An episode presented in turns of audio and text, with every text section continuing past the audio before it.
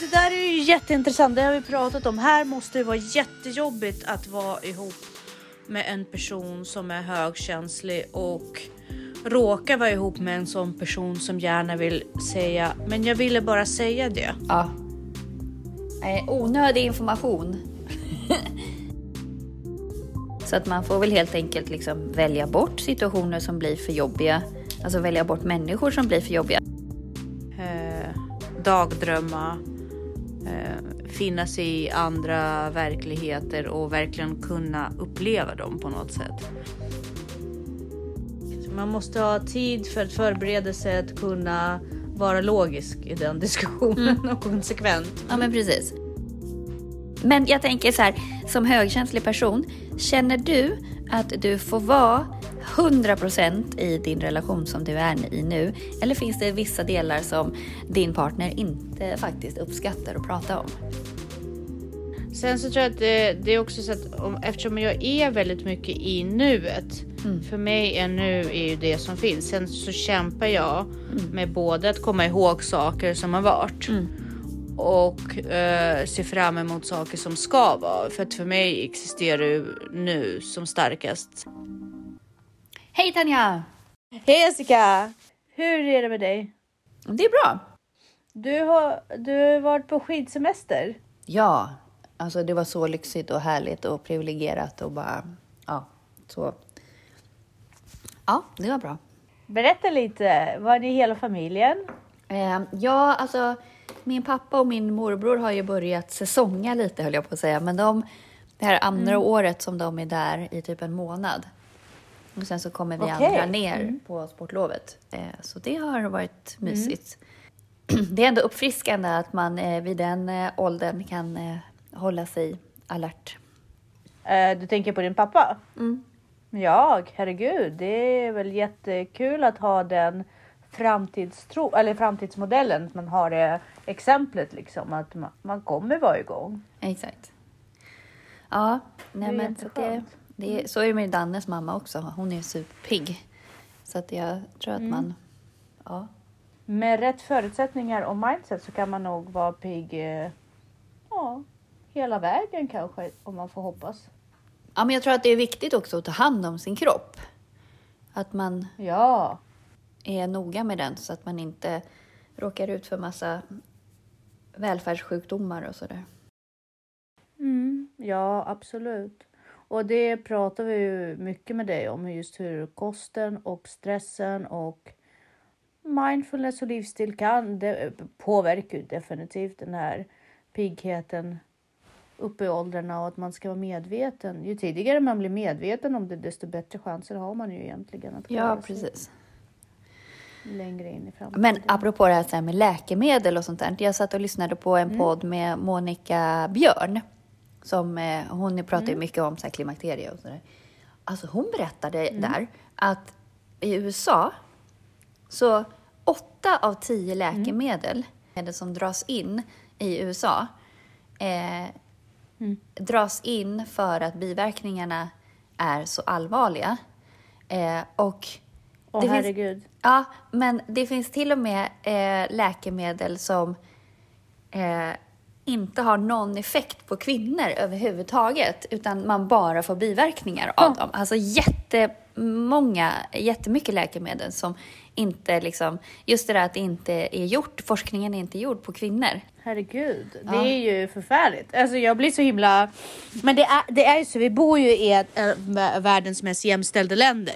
Så att eh, vi har ju på något sätt alltid med det perspektivet och det är ju väldigt starkt i Sverige. Man tänker inte på att i andra delar av världen tänker man annorlunda kring de sakerna. Eh, var det någonting speciellt hon tog upp just runt klimakterie, klimakteriet? Och Ja, hon ju vad man ska generellt om, tänka på? om... Oj, eh, det har vi pratat om också, men just det där att verkligen Ja. eh, se till att styrketräna och få i dig tillräckligt med protein och näring och eh, prioritera sömn och, och så. Eh, så att, eh, ja. Men vi Och det är ju saker, en av dem, jag tänkte precis snyggt övergå från sömn till det vi ska prata om idag. Vill Ja. du presentera det lite? Eh, oj. Eh, nej, men vi tänkte prata lite grann om eh, högkänsliga personer eller högkänsliga personlighetsdrag eller vad man ska säga. Eh, och jag tycker dels att, att det är spännande att prata om för det sägs ju att var femte person är högkänslig. Men jag pratar lite grann om det. Men sen så också prata om hur det är att vara i en relation med en högkänslig människa.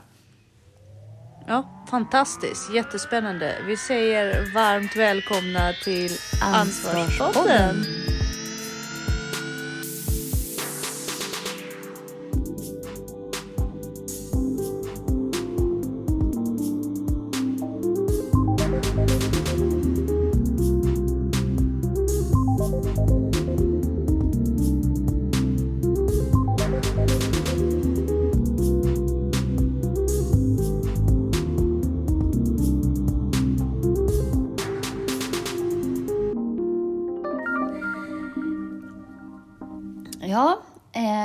Tänker du med högkänslighet?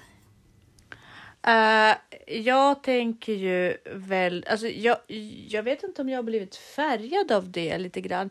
Men jag, när jag tänker högkänslighet så tänker jag ju dig väldigt mycket för att du är den personen som har uttalat, liksom påpekat för mig att ja, men jag är högkänslig. Men sen så tänker jag också på någonting jag har lyssnat på en podd om att högkänslighet är egentligen något som är, ger uttryck för tidig trauma emotionell trauma. Och att högkänsligheten är ett uttryck för att man har blivit liksom ja, man, på något sätt svarvat sig själv och sin personlighet att vara väldigt eh, intuitiv och läsa av omgivningen väldigt noggrant. Eh, och av den liksom man, man har tunat in sig så, man har ställt in sig så och sin mentala eh, värld och därför eh, blir man också väldigt trött för att man är väldigt hyperkänslig, alltså för vissa saker. Man är väldigt eh, igång hela tiden och eh, ens sinnen är påkopplade och därför är, man trött, tänker jag. Jag ser högkänsliga personer som personer som generellt tröttar ut sig mer. Eh, lite som ADHD också då. Eh, men, men just på grund av att man måste hela tiden vara alert. Mm. Så Jag tänkte jag och sen så fick jag ju höra lite grann eh, från eh, det inslaget som du och jag har lyssnat på. Att jag känner igen väldigt mycket av det just kring ADHD också. Men Gör du det? Ja, eh, men jag tänker också det finns så mycket där ute med så här, så här är en högkänslig person och, och vissa grejer stämmer ju inte alls medan andra Mm. Nej. stämmer. Så att, eh, och jag tror att alltså, så är det ju med ADHD och allting, att liksom, man kanske inte klockar in på Självklart. allt. Eh, men man, man är lite olika eh, kring det. Men generellt är väl att de Mm. är liksom känn, känner mer. Det tror jag är gemensamt för alla högkänsliga personer. Mm. Att man känner mycket intensivare allting. Eh, också att man kan bli uttröttad, alltså på samma sätt som introverta. Eh, däremot tror jag att det är lite olika hur, hur... Jag tror att vissa högkänsliga klarar av att ha ganska fullt schema. Eh, så länge man får sin återhämtning på sina villkor. Medan andra kanske inte klarar. Men också det här att man är nära till tårar. Eh, Att man lägger märke till detaljer. Men jag, det här att man ogillar våldsamma filmer. Jag gillar ju inte våldsamma filmer. Jag blir så illa berörd. Liksom. Nej, tycker jag det gör ont i vet. hela Jag mig. tänkte på det också. Men det kanske inte, det kanske finns de som gillar det, det vet jag liksom inte. Men sen är det här att man uppför sig väl, det tror jag har att göra med att man är ganska självmedveten. Och att man inte vill stöta sig med folk, man är så mån om att eh, man kan ju få jättedåligt samvete om man har uttryckt sig plumpt eller sagt någonting, alltså att man bara gud, hoppas inte den blev ledsen eller sådär. Och sen att man tar åt sig av kritik. Eh, att man har svårt att ta oombedd kritik till exempel. Eh, Men, men det Ja. finns... Och det där, det där är ju jätteintressant. Det har vi pratat om. Här måste det vara jättejobbigt att vara ihop med en person som är högkänslig och råka vara ihop med en sån person som gärna vill säga, men jag ville bara säga det. Ja. Nej, onödig information. Ja, Okej, men- tack. Ja, men precis. Alltså så här, att oombedd eh, information är ju problematiskt. Mm. Men det beror ju på vad... Fast, eh, Men vissa människor är ju inte snälla. Alltså det är inte snällt att ge någon kritik som inte har bett om det. Alltså om det inte är i så här, man jobbar i ett projekt tillsammans och man ser att här, det här behöver vi göra för att projektet ska bli bättre. Men bara säga någonting Mm. för att man ville säga det, för att man hade en åsikt. Det är inte snällt. Mm. Ja, eh, precis. Och där är ju också en, en intressant eh, iakttagelse som jag har eh, dragit på något sätt eller försökt att formulera på senaste. Eh, det är så här att alla måste kunna få vara sig själva. Eh, förutsatt att man inte skadar någon annan. Och vissa personer eh, har ju lättare att bara kommentera. De, det är en del av, det är så de på något sätt söker kontakt med omvärlden. Det är så de målar upp sin verklighet genom att liksom påpeka vissa saker genom att säga dem. Eh, själv tycker jag det är jättejobbigt. Jag tycker det är jättejobbigt att höra någons påpekanden. Eh, men jag tänker att är det att, det att, man är, att man måste jobba bort det eller måste man på något sätt få de andra människor att acceptera att det här funkar inte för mig? Förstår du vad jag menar? Vem ligger det hos? Mm. Jag Vem ligger man- ansvaret för? Ja, men jag tror att man får liksom... Eh, du, kan ju bara, du har ju bara makt över dig själv, så du kan ju bara jobba med dig Mm. själv. Så att man får väl helt enkelt liksom välja bort situationer som blir för jobbiga. Alltså välja bort Mm. människor som blir för jobbiga. Alltså just ut, klarar jag av att utsätta mig för den här miljön eller inte? Mm. Eh, för man kan inte ställa krav på andra att de ska ta hänsyn egentligen. Nej. Sen kan man ju säga så här, Nej. jag funkar så här och jag känner så här, du skulle kunna hjälpa mig eller bemöta mig i det på något vis. Mm. Eh, men till syvende och sist så är det ju ditt eget ansvar. Mm. Eh, i. och, och det tänker jag på just om du är i en relation med en högkänslig person. Eh, nu beskriver man ju det som liksom, eh, det är världens häftigaste grej. Eller liksom. Jag tror att det både kan vara väldigt häftigt men också väldigt jobbigt. Alltså om, om jag utgår från mig själv och tittar på Danne kan ju tycka att å ena sidan säger han att liksom, det här är verkligen kärlek. Liksom. Jag har aldrig varit med om något liknande. Eh, Samtidigt som han aldrig har varit med om något så jobbigt heller. Eh, så att, Och där är det också så här, vad är det man eh, dras till och vilken personlighetsdrag man har. En annan citat som jag hörde under veckan som också fångade mig väldigt mycket, fick mig att tänka på det extremt mycket och då tänkte jag också på eh, ja, annorlunda personligheter som, som, eh, som kanske inte som kanske inte eh, räknas till normen. Det var, det var någonting, det var buddhistiskt. Vi väljer de...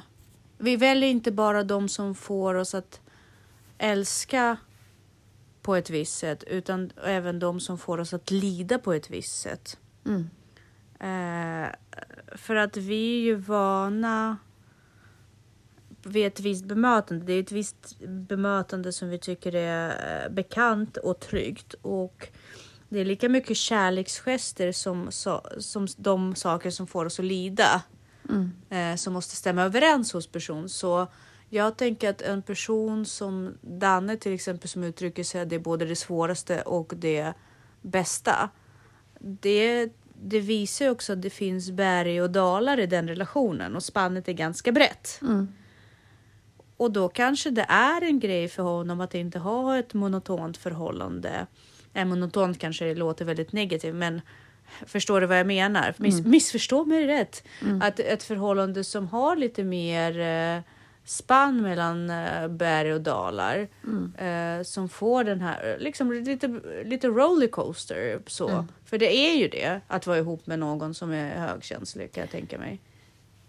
Ja, det är det nog. Samtidigt som jag tror att en högkänsla, eller om jag utgår från mig själv, jag kräver ju mer djup av en relation också. Jag kräver ju att det ska finnas det här nästan övernaturliga drogliknande Precis. djupet i det. Alltså att man har den kontakten. Ehm, Precis. Och den är viktigare för mig än väldigt, väldigt mycket annat. Mm. Att det ska vara något övernaturligt i det här.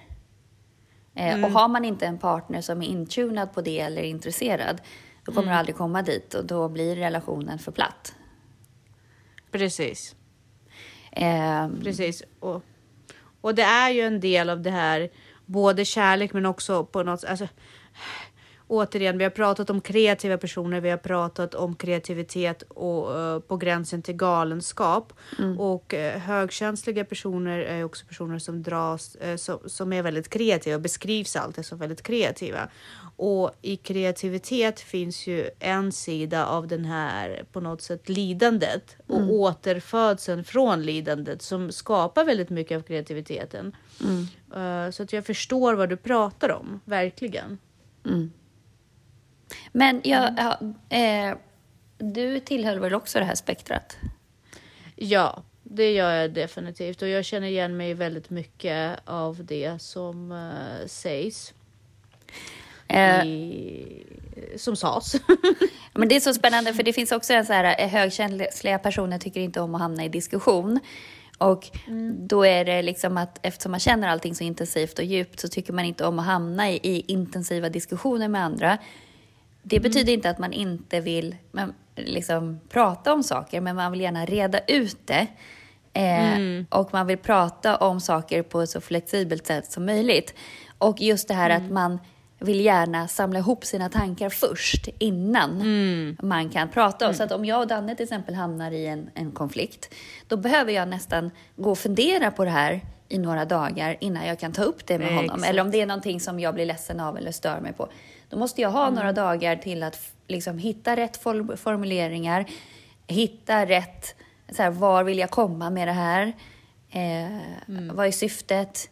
Ja, så att jag är förberedd så att det jag kan säga går så fort som möjligt, eller liksom är så koncist som möjligt.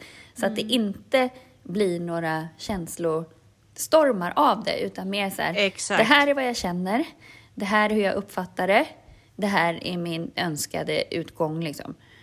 Ehm, Exakt. Man måste ha tid för att förbereda sig att kunna vara logisk i den diskussionen och konsekvent. Ja, men precis. Och sen också här att man lätt kan bli överväldigad i högljudda, överbefolkade miljöer. eh, ja. Man bara, eh, mitt jobb är ju perfekt för mig. Ja, jag tänkte också på det. Jag bara, hur fan hamnar vi i läraryrket när vi egentligen blir så överväldigade av alla inputs? Jag var en idrottslärare också, herregud. Ja, men, men men det var precis. inte så här förut, det har ju blivit värre. Ehm, Exakt. Det har blivit värre och det har blivit en helt annan typ av miljö. Förut var ju läraryrket väldigt mycket. Det handlade väldigt mycket om struktur och kontroll. Det, det, det var ju liksom the epiphany. Det var det och militären liksom. nu Ja, har det faktiskt. blivit precis tvärtom. Eh, att det är nog det mest anarkistiska platsen. Liksom. Hur Det tänker mest du... anarkistiska. Förlåt. Nej, det är ingen fara. Hur tänker du kring det här att högkänsliga personer ofta känner sig missförstådda? Eh, det tror jag definitivt. Eh, därför att jag tror att dels så handlar det väldigt mycket om det du pratade om att man måste vara väl förberedd för att hoppa in i en diskussion. Ja. Det är ju helt olika för, för- man är som lite grann som två personer. Ena personen är den som har gått in i eh, en diskussion i affekt eller känslomässigt oförberett och bara rider på sina känslor. Och det finns en helt annan person som går in eh, med logiken. Eh, om man har tagit sig tiden och eh, liksom samla sina tankar, få en stringent eh, argumentation och sådär.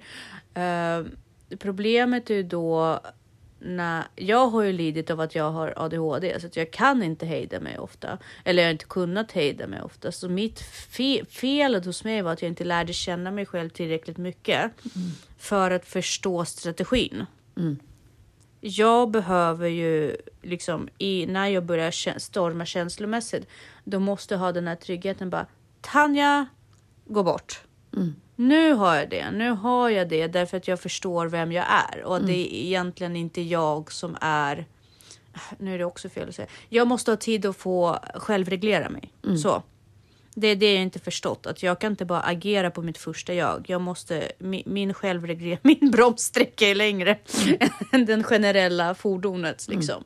Så att eh, jag måste ha självregleringstid. När man tänker på det eh, mer eh, vad är det? Mm, Ja, att man har liksom den strategin i åtanken, att man tänker mer strategiskt kring det. Då funkar det mycket bättre och det är ju samma sak. Det är därför man, man kan bli missförstådd ofta som högkänslig person tror jag. Det, det är ju utifrån om man vill agera på sin logik eller på sina känslor. Vilken strategi väljer man och vart, vart fångas man upp i den diskussionen?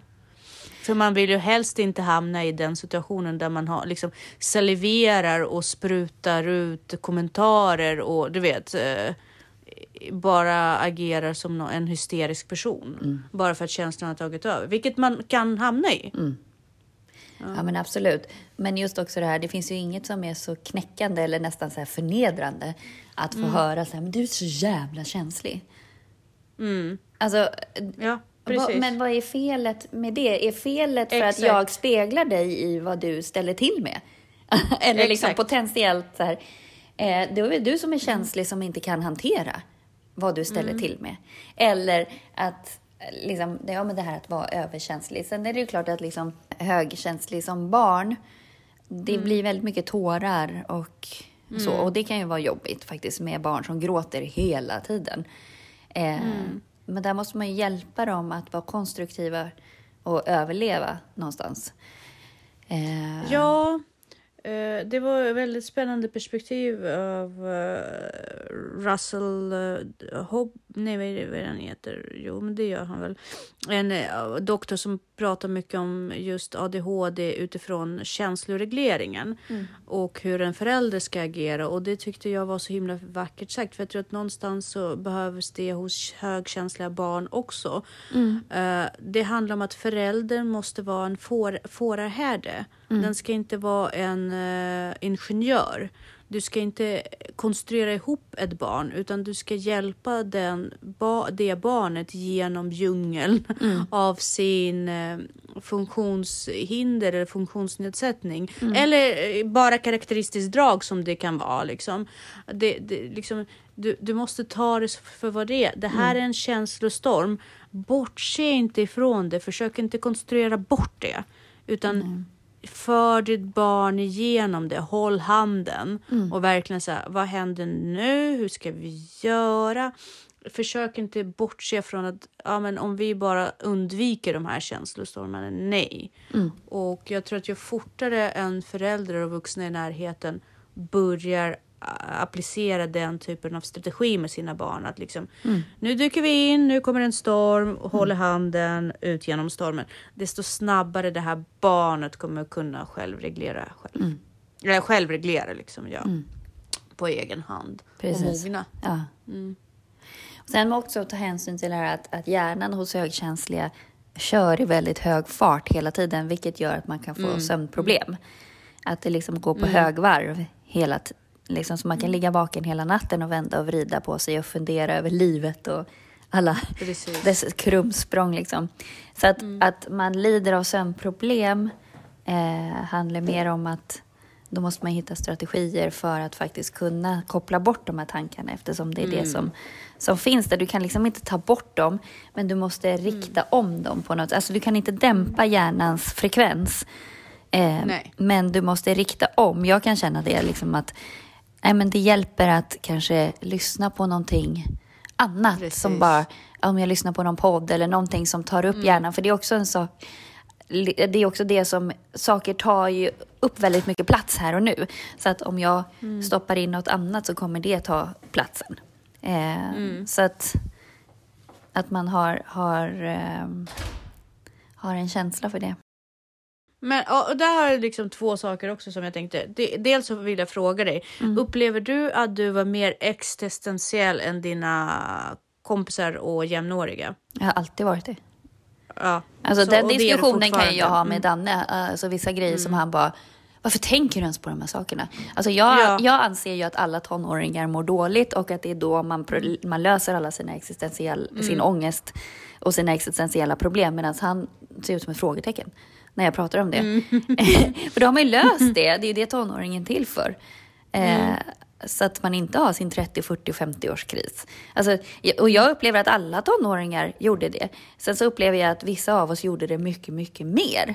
Och Jag har, har ju Mm. högkänsliga kompisar och vi satt ju och vältrade i det här. Och det kanske inte var så Mm. nyttigt. Eh, men, eh, men generellt mycket, mycket mer än folk omkring mig. Folk verkade ju ha Mm. mått bra i tonåren, vissa av dem. Alltså det är ju helt märkligt för mig. Eller hur? Eh, eller överlag skulle jag säga att så här, folk verkar må bra. och, och sen kommer man in i ett sammanhang och bara, men hallå, Ja. vad händer? och så är man så här, man har konstiga tankar och idéer och projekt och så faller Ja, ja. man och så återföds man och sen så, ja, det är så, det är så intensivt och sen är det lågt och sen, det är så mycket. Men jag tänker Det- så här, som högkänslig person, känner du att du får vara 100% i din relation som du är i nu? Eller finns det vissa delar som din partner inte faktiskt uppskattar att prata om? Eller liksom att så här, Att inte uppskatta hos mig. ja, ja. men alltså så här, det här tycker jag är jobbigt att prata om. Eller det här, Ja, den här ja. delen av dig är lite jobbig.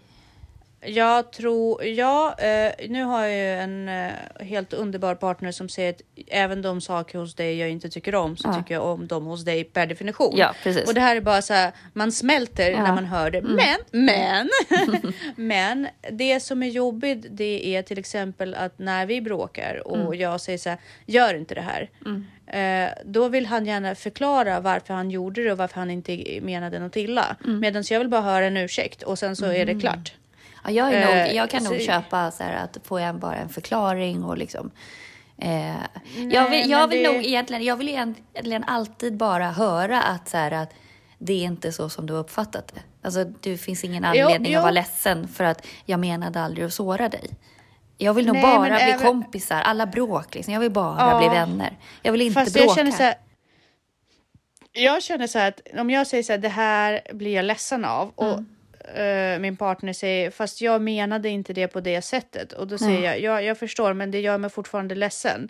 Och sen får jag kanske tillbaka att jo, men eftersom jag inte menade på ett dåligt sätt så är det ditt. Liksom, det ligger hos dig. Mm. Förstår du hur jag tänker?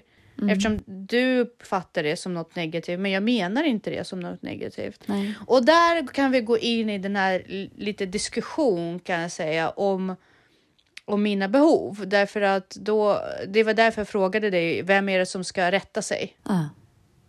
Eh, är det jag som är för känslig som måste tänka om att det här var inte illa menat eller är det han som som eh, som bara måste ta det per definition att det här var inte min grej?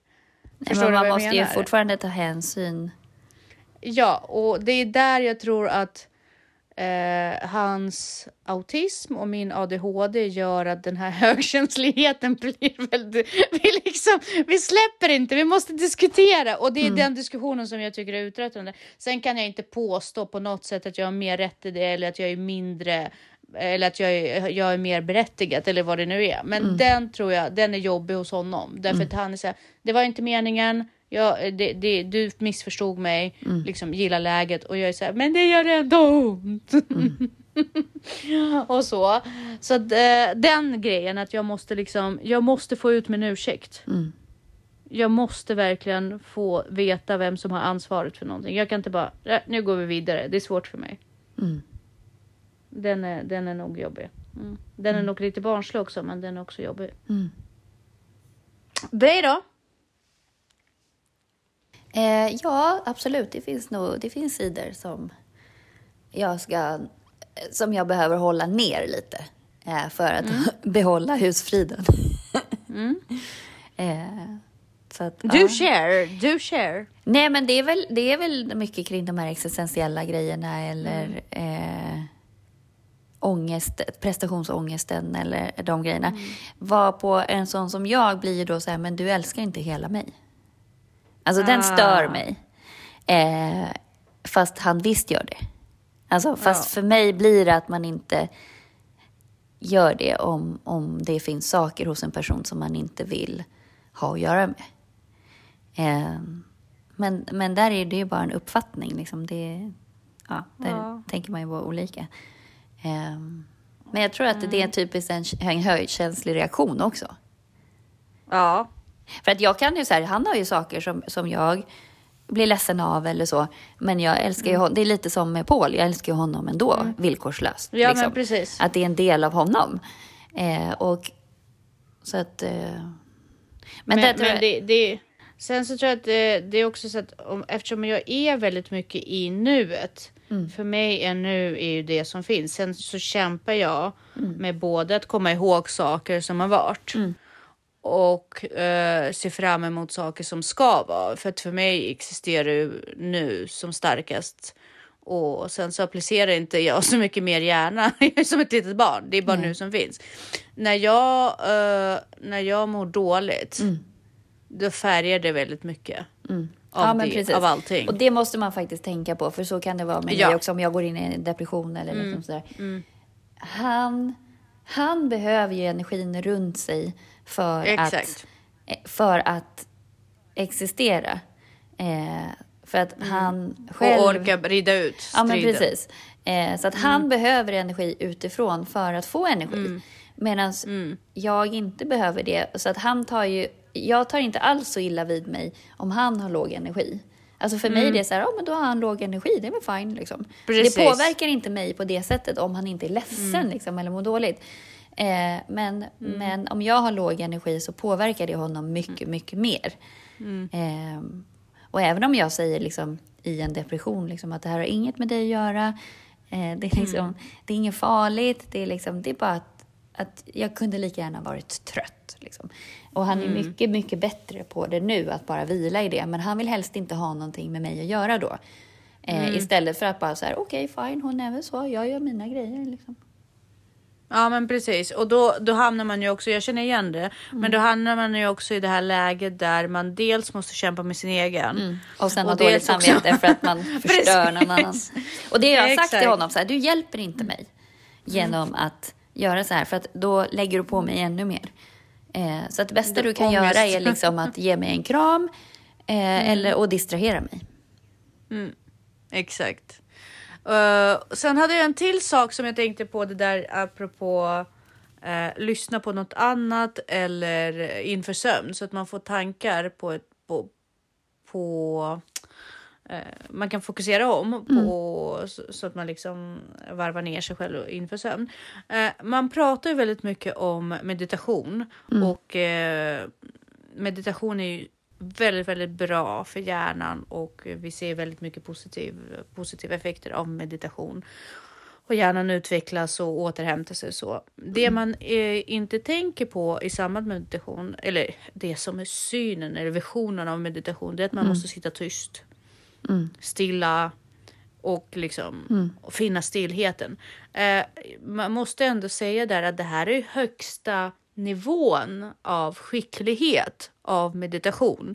Och det är inte där meditation börjar. Nej. Så att förståelsen av att det är bara att dirigera om sina tankar medvetet. Det är redan en meditation. Så när man sätter på, när man vet att man går på högvarv och sätter på någonting annat som man eh, använder en annan våg och rider liksom. Det är en slags meditation och det gör väldigt mycket för ens inre och för omformningen av de här banorna eh, i hjärnan som vi har pratat också om att eh, det blir en vana som du lägger dig ner och medvetet börjar lyssna på någonting så din hjärna och din, din hjärnfrekvens ändrar ändrar liksom flöde. Det, gör ju, det, det är ju en slags meditation för du manipulerar ju miljön och dig själv på ett sätt som får gynnande resultat. Så att det är ju en meditation i sig därför du varvar ner, du får se till att nå ett mål, du får ett lugn. Det behöver inte vara att man sitter i zen-ställning, liksom, i buddhistisk zen-ställning och Nej, men det handlar ju om stilla. att hamna i ett flow. Och det kan du ju få Precis. genom att, att göra något kreativt, alltså måla, spela musik. Det kan du få när Precis. du är ute och springer eller eller alltså, ja, att Så- hjärnan så inte här- anstränger sig liksom. Exakt, så det här med att meditation ska vara under vissa förutsättningar. Det sätter bara för hög ribba för att börja med meditation, utan det är mest som du säger. Det handlar om ett flow där du känner att du kan varva ner och tänka på annat och inte vara så på, på negativ högvarv liksom, utan att du, du flyter ihop med nuet istället. Mm, precis. Och det var det. Mm. Vad skulle du säga är det bästa med att vara högkänslig? Jag tror att det skulle jag säga är de här djupa känslorna. Att Mm. du har tillgång till upplevelser av saker som är mycket starkare. Mm. Alltså du har tillgång till en starkare eufori, visserligen tillgång Mm. till en starkare depression, nej men, eller liksom den här nedstämdheten som kan komma när som helst, Mm. hur som helst. Men jag tror att man har bättre sex, man har bättre glädje, man har bättre Mm. Eh, känsla av träning, allt som händer. Jag tror att man är mer Mm. kroppsmedveten också. Att man faktiskt kan använda kroppen som ett redskap för att njuta av saker. Mm. Eh, ja, fantastiskt beskrivet. Vackert.